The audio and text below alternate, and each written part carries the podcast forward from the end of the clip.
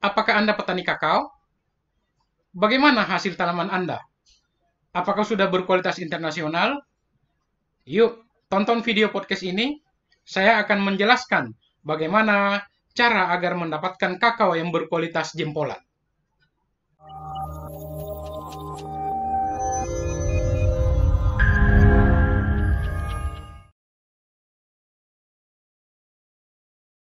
Halo, selamat datang di channel YouTube kami, NPK Mutiara TV.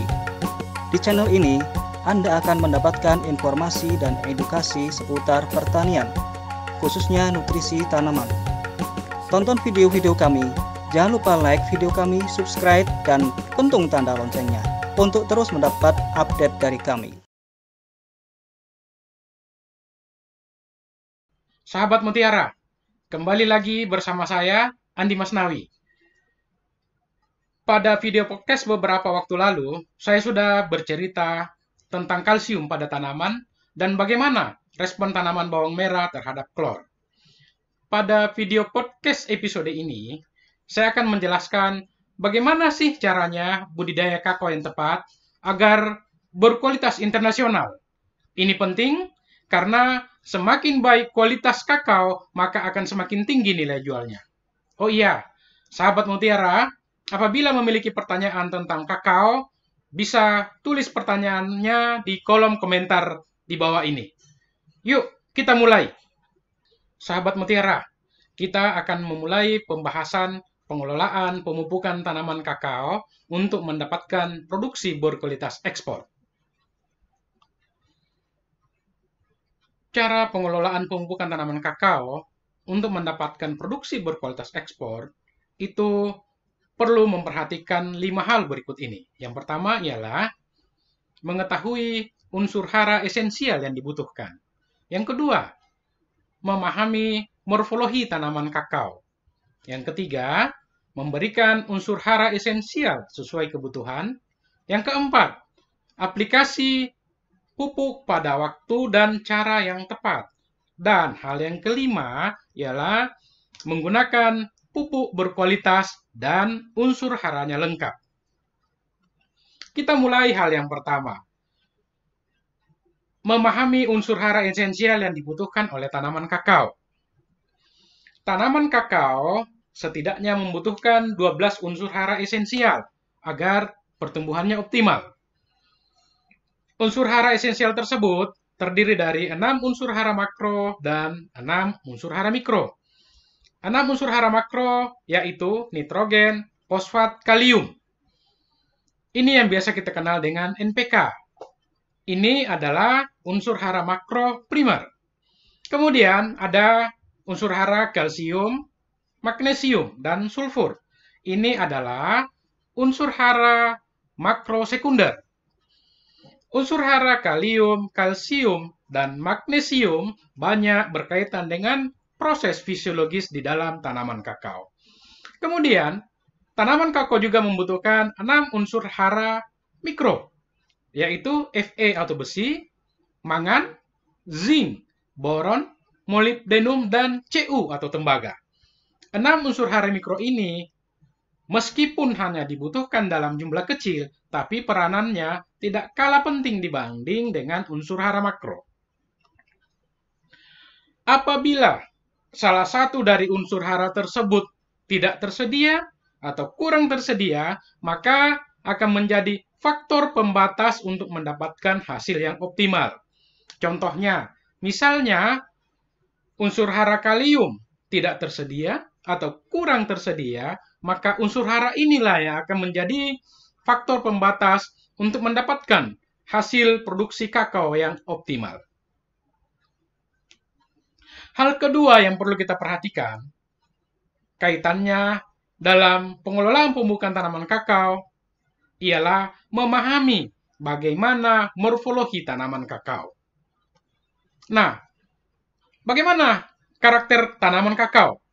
Tanaman kakao sangat cocok ditanam di daerah yang memiliki curah hujan merata sepanjang tahun. Yang kedua, Tanaman kakao cocok ditanam di daerah yang memiliki suhu relatif sama sepanjang tahun. suhu di kisaran 26 sampai 30 derajat Celcius adalah suhu yang optimal untuk mendapatkan pertumbuhan bunga yang optimal. Kemudian tanaman kakao itu peka terhadap kekurangan air. Dan tanaman kakao cocok ditanam di daerah yang memiliki kedalaman tanah 100 sampai 150 cm. Kedalaman tanah ini berkaitan dengan kemampuan akar kakao bisa berkembang lebih baik. Nah, sahabat mutiara, bagaimana sifat akar tanaman kakao? Sebagian besar akarnya berkembang di dekat permukaan tanah. Kurang lebih 56% akar tanaman kakao berada di kedalaman 0 sampai 10 cm dan sekitar 26% berada di kedalaman 11 sampai 20 cm.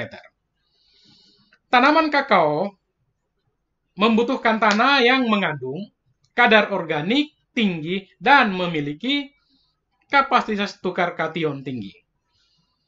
pH tanah yang optimal untuk tanaman kakao ialah 5,6 sampai 6,8. Apabila pH tanahnya rendah atau bersifat asam, maka akan menghambat pertumbuhan akar, akan menghambat pengambilan unsur hara, dan pada akhirnya akan menghambat pertumbuhan tanaman dan hasil produksi tanaman kakao. Hasil penelitian menunjukkan bahwa apabila pH tanahnya hanya 4,5, maka efisiensi pemupukan hanya kurang lebih 30%, khususnya untuk unsur hara, nitrogen, fosfat, dan kalium. Maksudnya apa? Apabila misalnya kita aplikasi pupuk 100 kilo karena pH-nya hanya 4,5, maka pupuk yang bisa diserap oleh tanaman hanya kurang lebih 30 kilo untuk unsur hara nitrogen, fosfat, dan kalium. Nah, sahabat mutiara, bagaimana batang dan cabang tanaman kakao? Tanaman kakao adalah tanaman yang membentuk jorket apa itu jorket? Ialah apabila tanaman kakao ditanam dan mencapai ketinggian 1 sampai 1,5 meter, maka tanaman kakao akan membentuk jorket. Jorket ini khas pada tanaman kakao. Jorket adalah dimulainya perkembangan cabang setelah pertumbuhan cabang ortotrop atau yang mengarah ke atas berhenti tumbuh dan dimulai perkembangan cabang yang tumbuh ke samping yang membentuk sudut 0 sampai 60 derajat dengan arah horizontal. Cabang yang arah samping ini akan membentuk 3 sampai 6 cabang. Inilah yang disebut cabang primer. Nah, dari cabang primer ini kemudian akan tumbuh cabang-cabang lateral atau cabang kipas. Sehingga tanaman kakao akan membentuk tajuk yang rimbun. Nah, sahabat mutiara, apa poin pentingnya di sini? Ialah bahwa untuk menjaga supaya hasil fotosintesis maksimal dimanfaatkan untuk perkembangan dan pertumbuhan tanaman kakao, maka perlu dilakukan pemangkasan cabang-cabang yang tidak produktif. Nah, bagaimana sifat pertumbuhan daun pada tanaman kakao? Pada masa pertunasan atau flushing, setiap tunas akan membentuk 3 sampai 6 lembar daun baru sekaligus. Hasil fotosintesis akan meningkat seiring dengan meningkatnya indeks luas daun, yang mana ini akan erat kaitannya dengan struktur tajuk dan pencahayaan atau sinar matahari daun kakao yang tidak optimal dalam melakukan fotosintesis, daun kakao yang ternaungi tidak akan optimal dalam melakukan fotosintesis. Nah, apa poin penting dalam karakter daun tanaman kakao ini ialah bahwa untuk berkembang dengan baik satu buah kakao perlu didukung oleh 8 sampai 10 lembar daun dewasa yang sehat dan mendapat pencahayaan yang baik.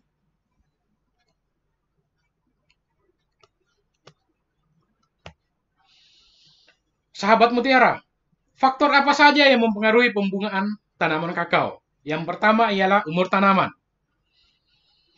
Tanaman kakao akan mulai berbunga akan dipengaruhi oleh sifat genetik tanaman, bagaimana iklim, faktor lingkungan, dan bagaimana pemeliharaannya. Tanaman kakao yang dipelihara dengan baik akan mulai berbunga pada umur kurang lebih 2 tahun. Kemudian faktor kedua yang berhubungan dengan pembungaan kakao ialah periode pembuahan pada tanaman kakao.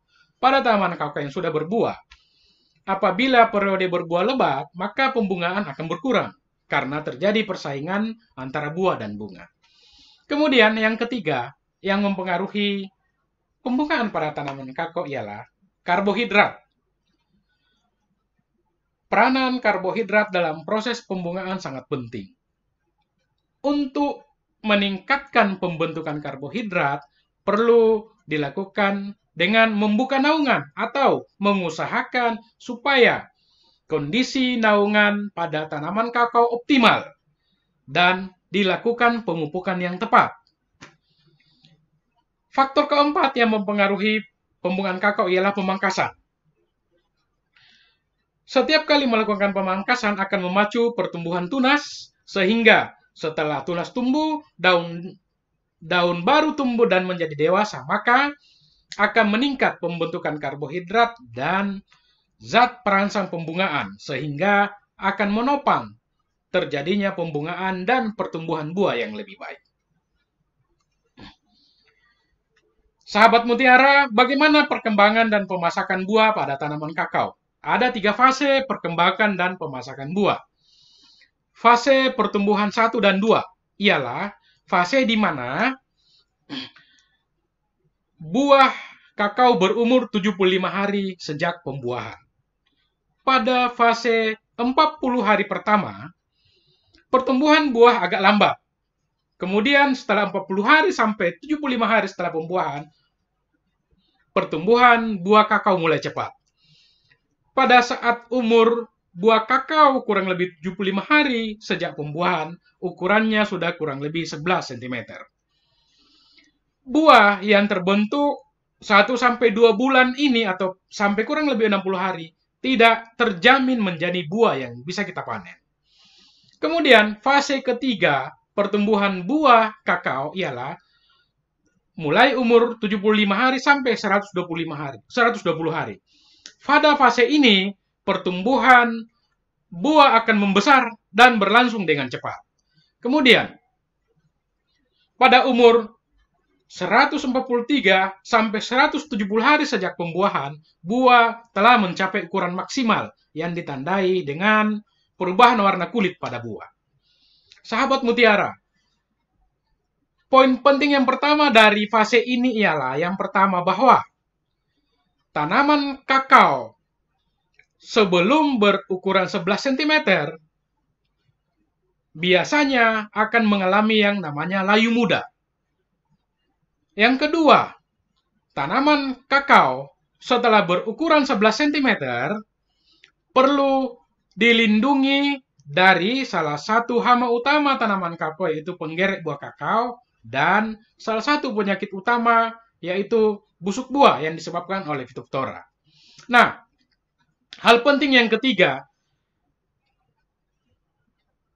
ini akan erat kaitannya dengan unsur hara yang harus kita aplikasikan dan kapan waktu pemupukan. Unsur hara pada fase ini sudah harus tersedia untuk menopang pertumbuhan dan perkembangan buah kakao. Buah kakao sebelum berumur 75 hari atau sebelum berukuran 11 cm akan rentan dengan layu buah muda atau layu fisiologis. Ini akan didapati kejadian layu buah ini akan meningkat apabila proporsi daun hanya 5 sampai 6 lembar untuk setiap buah kakao. Apabila kurang dari 8 sampai 10 lembar, maka kejadian layu buah akan meningkat. Hal lain yang akan berhubungan dengan meningkatnya layu buah muda ialah apabila tanaman kakao kekurangan air, drainase buruk, kekurangan unsur hara, khususnya nitrogen, fosfat, boron, dan kalsium. Dan juga ada serangan hama penyakit. Cara untuk mengurangi tingginya kejadian layu buah muda atau layu fisiologis ialah sering melakukan pemangkasan ringan. Bukan pemangkasan yang berlebihan. Dan yang kedua, melakukan pemupukan yang tepat. Atau memberikan unsur hara yang sesuai dengan kebutuhan dan jumlah tanaman kakao.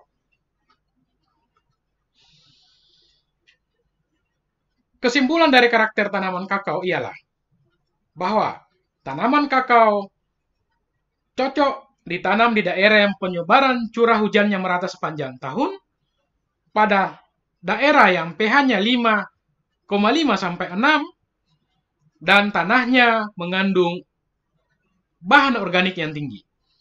Tanaman kakao juga senang dengan aerasi yang bagus. Tanaman kakao peka terhadap kekeringan, peka terhadap genangan air, dan Semasa pembungaan dan pembentukan buah, tanaman kakao peka terhadap kekeringan, peka terhadap serangan hama penyakit, dan peka terhadap kekurangan unsur hara. Sahabat mutiara, itu tadi dua hal yang erat kaitannya dengan cara pengelolaan pemupukan pada tanaman kakao.